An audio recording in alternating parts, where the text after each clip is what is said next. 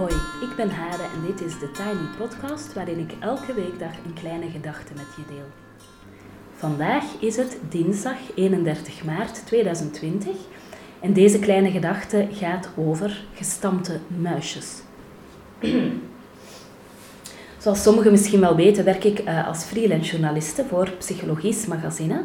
En dat is een Vlaams magazine, gaat over uh, psychologie en bewustzijn en bewust leven.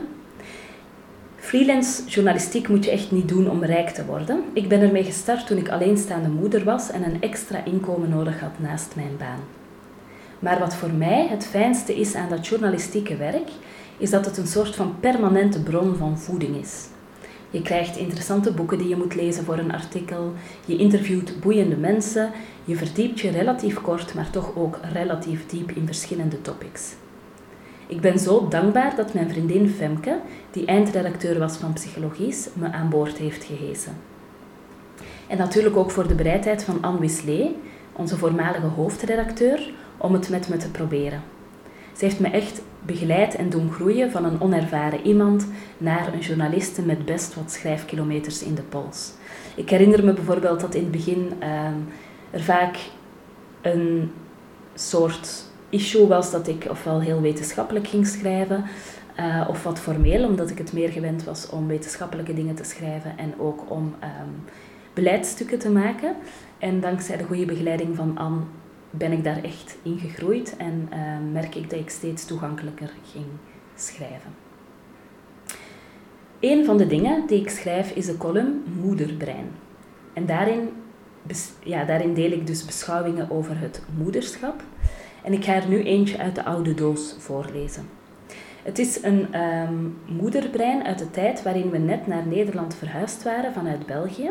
Ik ben dus een Nederbelg, um, om het zo te zeggen. En het grappige is dat um, Nederlanders die reageren op deze, column, uh, op deze podcast, dat zij het leuk vinden dat ik zo Vlaams ben.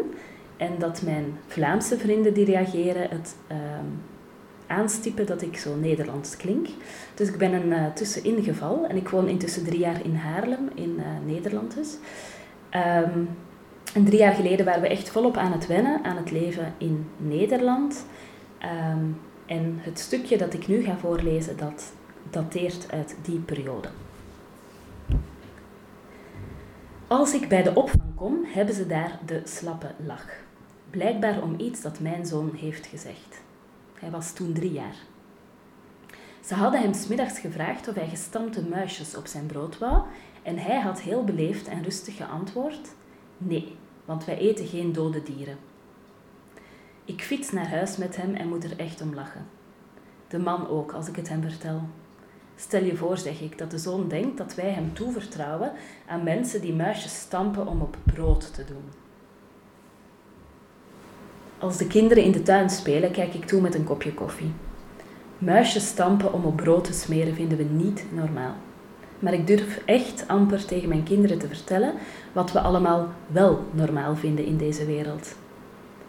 Kalfjes bij hun moeder weghalen zodat wij de melk kunnen gebruiken en die kalfjes alleen in een hokje aan de fles moeten.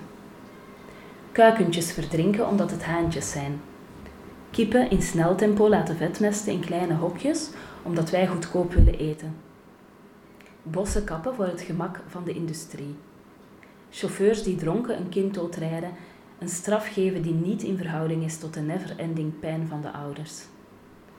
Kledingstukken kopen voor een paar euro die door kinderen aan de andere kant van de wereld zijn vervaardigd in oncomfortabele omstandigheden, om met een understatement te spreken. Mannen, vrouwen en kinderen die in gammele bootjes hun land verlaten omdat het daar niet veilig is. Nog een understatement. Maar ook een berg cadeautjes bij steeds gekker wordende verjaardagsfeestjes met clowns of dure uitstapjes. Een gestoord iemand die de baas van een groot stuk van de wereld mag spelen. En drie keer per jaar met het vliegtuig op reis, ook al weten we dat het onze wereld kapot maakt. Werken tot we opgebrand zijn. Topsalarissen voor voetballers en hongerloontjes voor verzorgenden. Plastic soep in de oceaan. Vrije meningsuiting die dwars door de gevoelens van mensen mag snijden. Terrorisme-dreiging. Files van uren omdat iedereen alleen in zijn auto wil zitten en op hetzelfde moment op het werk moet verschijnen. vul ik er nu even bij aan. Ziek naar het werk gaan omdat je je niet veilig genoeg kan voelen om afwezig te zijn. Dat ons leven korter wordt door de vervuilde lucht die we inademen. Dat sommige mensen geen werk of huurhuis kunnen vinden omwille van hun huidskleur. Mijn koffie smaakt plots bitter. Is die trouwens wel fair trade? Ik kijk naar de kinderen in de tuin. Ze spelen in hun veilige wereld. Straks krijgen ze een vegetarische maaltijd voorgeschoteld, worden ze gewassen met schoon water en gaan ze hun zachte bedjes in met de zekerheid dat hun ouders er morgen vroeg zullen zijn, dat ze ontbijt zullen krijgen en naar school, en naar school kunnen. Ik was zelf een linkse puber. We schreven brieven voor Amnesty International, deden vrijwilligerswerk en probeerden het afval op school te scheiden en te verminderen. Een andere wereld is mogelijk, was de slogan die door mijn puberteit dreunde. Een andere wereld is mogelijk. Toen een rotsvast geloof en nu een levensgrote hoop. Voor die kleintjes die daar niets vermoedend en onbezorgd in de tuin spelen. Opgelucht dat het niet waar is, dat grote mensen muisjes stampen voor op de boterham. Zoals ik net zei, heb ik deze column een paar jaar geleden geschreven. En uh, toen ik hem weer las, vond ik het heel jammer om te merken dat heel veel van de dingen die erin beschreven staan, dat die nog steeds actueel zijn. En nog steeds aan de hand zijn in onze wereld.